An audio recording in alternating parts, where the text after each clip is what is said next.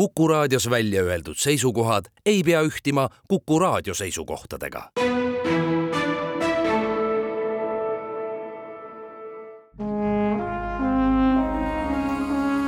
Vanemuise veerand tere kõigile teile, head Kuku raadio kuulajad, täna on saates külas lavastaja ja koreograaf, Eesti Rahvuspalleti esitantsija Jevgeni Kriip, tere! tervist!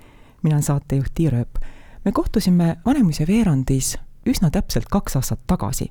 see oli balletiõhtu Metamorfoosid, ma ütleks traditsioonilise esietenduse eel, sest kevadel kaks tuhat kakskümmend üks olid Metamorfoosid ka esietendunud, aga seda virtuaalselt. mida head on need vahepealsed kaks aastat teile toonud?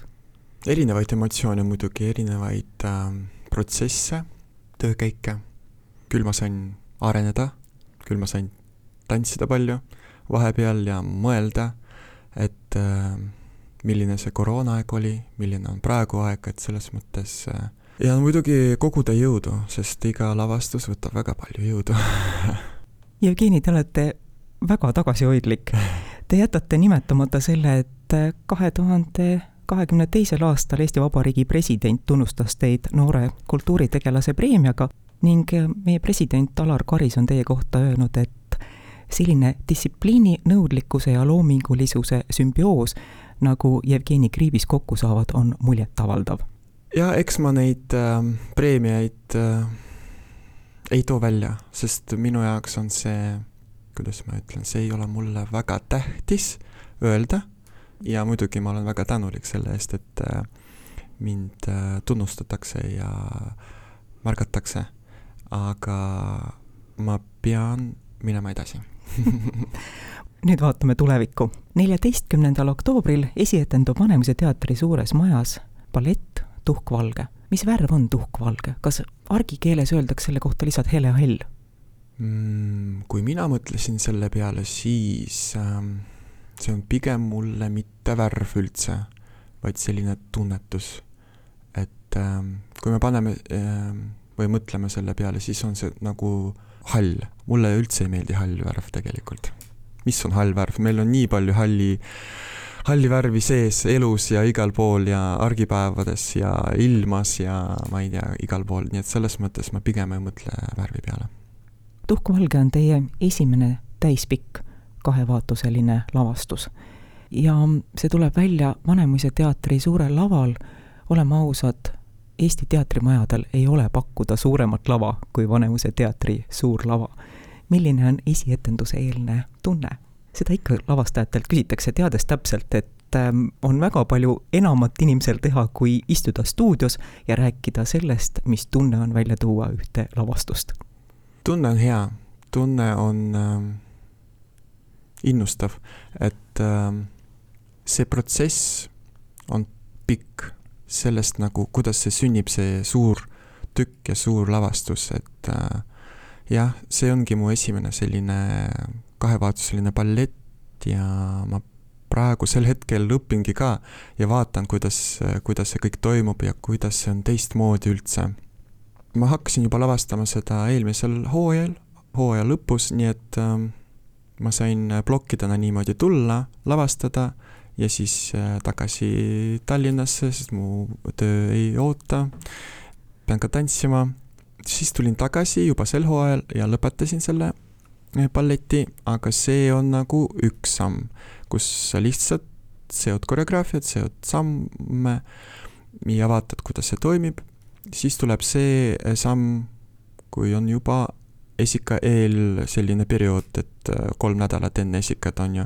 no ja see on päris suur ja intensiivne asi, mm, kus tantsijad saavad proovida juba ennast laval, kus me esimest korda proovime dekoratsioone, kuidas nad üldse toimuvad, kuidas nad välja näevad, kuidas kostüümid istuvad, kuidas kostüümidega tantsida, kuidas need duetid toimivad, kas või ei toimi või need äh, mm, detailid äh, on pigem võõrad või ikkagi äh, head, seal sees on igasugust, et selles mõttes praegu tundub nagu puder ja kapsas, aga meil on ikka iga päev proovid, nii et selles mõttes iga päev on midagi uut õppida tantsijatel, minul ja sest valguskunstnik tuli, sest kostüümikunstnik tuli ja kõik tahavad näha sellist äh, oma tulemust Te kasutate Gustav Holsti teost Planeedid ja Eduard Elgari Enigma variatsioone. kuidas need teosed teieni jõudsid? Need on fantastilised teosed, nad nii sobivad äh, minuga kokku, minu loominguga kokku ja selle tükiga kokku kuidagi. ja seda muusikat mulle pakkus Risto Joost ehk siis Vanemuise peadirigent ja kunstiline juht. ja see muusika on nii lai, suur ja seal sees on nii traagilist, nii romantilist, nii hirmuäratavat, nii õnnelikku tujusid, on ju, ja värve, nii et selles mõttes nad kõik sobivad kokku ja ma muidugi neid äh, segasin, tegin nii, nagu dramaturgia ütleb ja kuidas mina tunnetasin, sest äh, minu jaoks muusika on üks suurem osa, mis annab seda hetketunnetust, et mis tuju, mis stseen on ja mis toimub. ja tantsijad ka sellest äh, inspireeruvad ja saavad tunda, mida nad peavad mängima. balleti Tuhkvalge lavaloo aluseks on saksa kirjaniku, kes oli ka helilooja ja maalikunstnik, Ernst Hoffmanni ööjuttude tsüklisse kuuluv lühijutt Uneliiva mees, mis on üks üsna süngepoolne lugu. Hoffmanni jutust sai tuhkvalge libreto koostöös Siret Kämpeliga. kas te olete varem Siretiga koostööd teinud või oli see esimene kord? Jah see on esmakordne ja üldse esmakordne minu jaoks, et ma kaasan libretisti, dramaturgi. jah, mulle väga meeldis äh, see teos, kuigi ta on väga sünge ja kurb, sest äh, ma sain üldse sellest Uneliiva mehest teada balleti kaudu, Coppeliast. see ongi sellest loost inspireeritud, aga tehtud väga romantilisemaks, väga sellisemaks ähm, kergemaks, selline pigem komöödia, kus siis äh, peategelane armub nukku. Ja ja ongi nii, et selles mõttes seal on happy end, aga originaalis muidugi on väga sünge ja kuidas see, see peategelane kaevab ennast nii sisse auku ja keda, ja vot kõige sellisem traagilisem moment, et teda keegi ei saa aidata ja keegi nagu ei usu, et ta on selles, äh, selles, selles augus on ja see on selline nagu traagiline moment tegelikult ja mis mind inspireeris selles, on see, et äh, praegusel hetkel, praegusel meie maailmas on nii palju inimesi, kes kannatavad depressiooni, kes äh, elavad depressioonis ja ma kuidagi sidusin seda kokku ja tahtsin võtta seda teemat välja oma varasemates lavastustes lühiballettide puhul olete võtnud enda kanda ka valguskujunduse, kostüümide kujundused, lavakujundused, nüüd on teil meeskond. kas see teeb lavastaja ja koreograafi elu kergemaks? enne seda ma mõtlesin, et see just teeb vastupidi raskemaks sest ma olen selline inimene, et ma tahan ikka ise kõike teha, seda ja seda kontrollida aga nüüd ma ikkagi mõtlesin, et noh, kui on selline suur töö, et mind ei jätku, et ma pean ikkagi kedagi võtma. Ja hästi, ma olen praegu lihtsalt väga õnnelik, et ma tegin seda.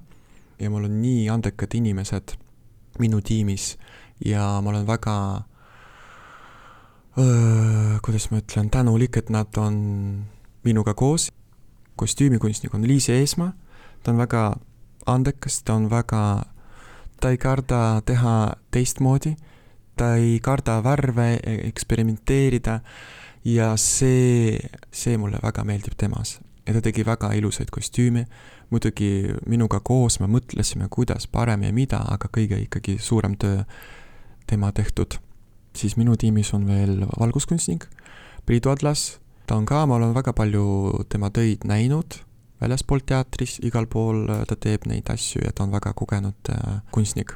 ja siis set disain ehk siis äh, dekoratsioone tegi Kristjan Suits, kes tegelikult on ka väga palju teinud, väga huvitavaid asju teinud, mis mulle väga sobis ja ma mõtlesin, pakun talle seda ja mul on hea meel, et nad on kõik minuga. Te kasutate lavastaja assistenti Eesti teatripraktikas lavastaja assistenti kasutatakse suhteliselt harva, mujal maailmas on ta pigem reeglina lavastuste juures mm. -hmm. jah, ja see on ka mulle esimest äh, selline esimene kogemus mulle, et mul on assistent, sest ma mõtlesin, et äh, mul on vaja abi siis, kui näiteks just praegusel hetkel enne esikat ma pean vaatama, et nii dekoratsioone, kuidas kasutatakse, nii tantsijaid, nii valguseid, nii neid stseenide vahetusi, et ma arvan, et äh, näiteks kui ma ei, ei vaata tantsijaid, siis saab äh, Marta Navasardjan vaadata, ta on mu väga hea kolleeg, ta on äh, balletisolist Rahvusooper Estoniast ja meil on väga hea klapp ja ta on, minu tantsukeelt on väga palju proovinud ja teinud, oleme tantsinud väga paljusi osi temaga, nii et äh, ta on minu parem käsi praegu. ja jah, ja ta aitab väga mind, ta aitab proovides, ta näeb teisi asju, mis mina ei näe, ta pakub, mina pakun, siis ei tule välja, siis me veel mõtleme, et selles mõttes see on tore protsess.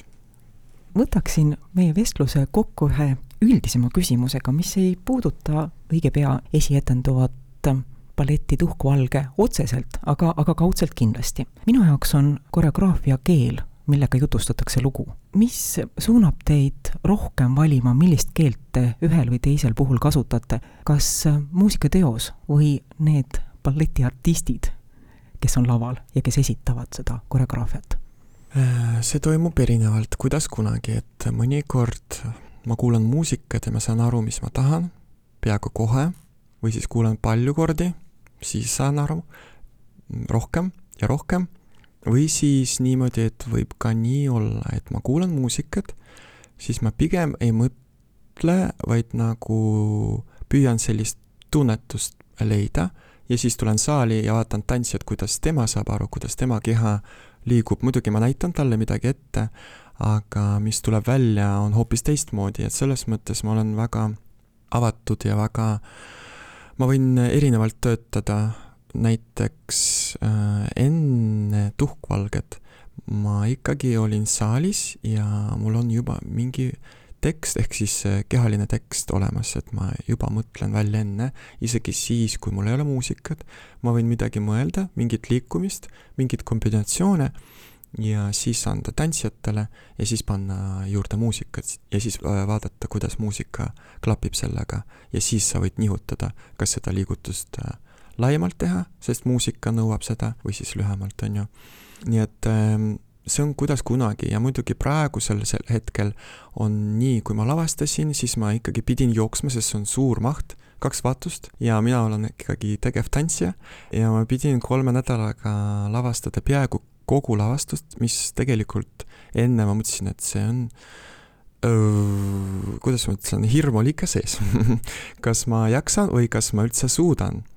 Sest mina olen lavastanud maksimum nelikümmend mintsi eh, lavastust, mis on ühevaatuselised ja nüüd on kaks tundi muusikat, kaks tundi lavastust, mis tegelikult nõuab ka dramaturgiat ja kõiki asi, et ja kõikidele sa pead andma tantsima, solistid, need solistid, teised solistid, kaks koosseisu, et selles mõttes mulle on praegu kõik see uus ja tore tööprotsess, sest mulle meeldib õppida. jah, et äh, praegusel hetkel, nagu kuidas mina lavastasin Tuhkvalget, ma teadsin muusikat, mul oli kõik kokku pandud, äh, see muusika, stseenid on kokku pandud ja siis me tulime saali ja tantsijaga tasapisi lihtsalt läksime edasi, siis tantsijad said nagu minust ka rohkem aru mina ei olnud nii kiire, sest mul ei olnud valmis seda koreograafiat, et me lõime kogu need stseenid nendega koos, mis on ka huvitav ja teistmoodi ja ma sain ka sellist kogemust, vaatame, mis edasi saab. Aitäh, Jevgeni Kriip saatesse külla tulemast, aitäh selle meeldiva kohtumise eest! aitäh teile kutsumast! saatejuht Tiir Ööp ütleb tänusõnad ka kõigile kuulajatele, ballett Tuhk-Valge lavastus, millest me täna rääkisime, esietendub neljateistkümnendal oktoobril, see on siis laupäeva õhtul, Vanemuise teatri suures majas. jälle kuulmiseni! Vanemuise veerand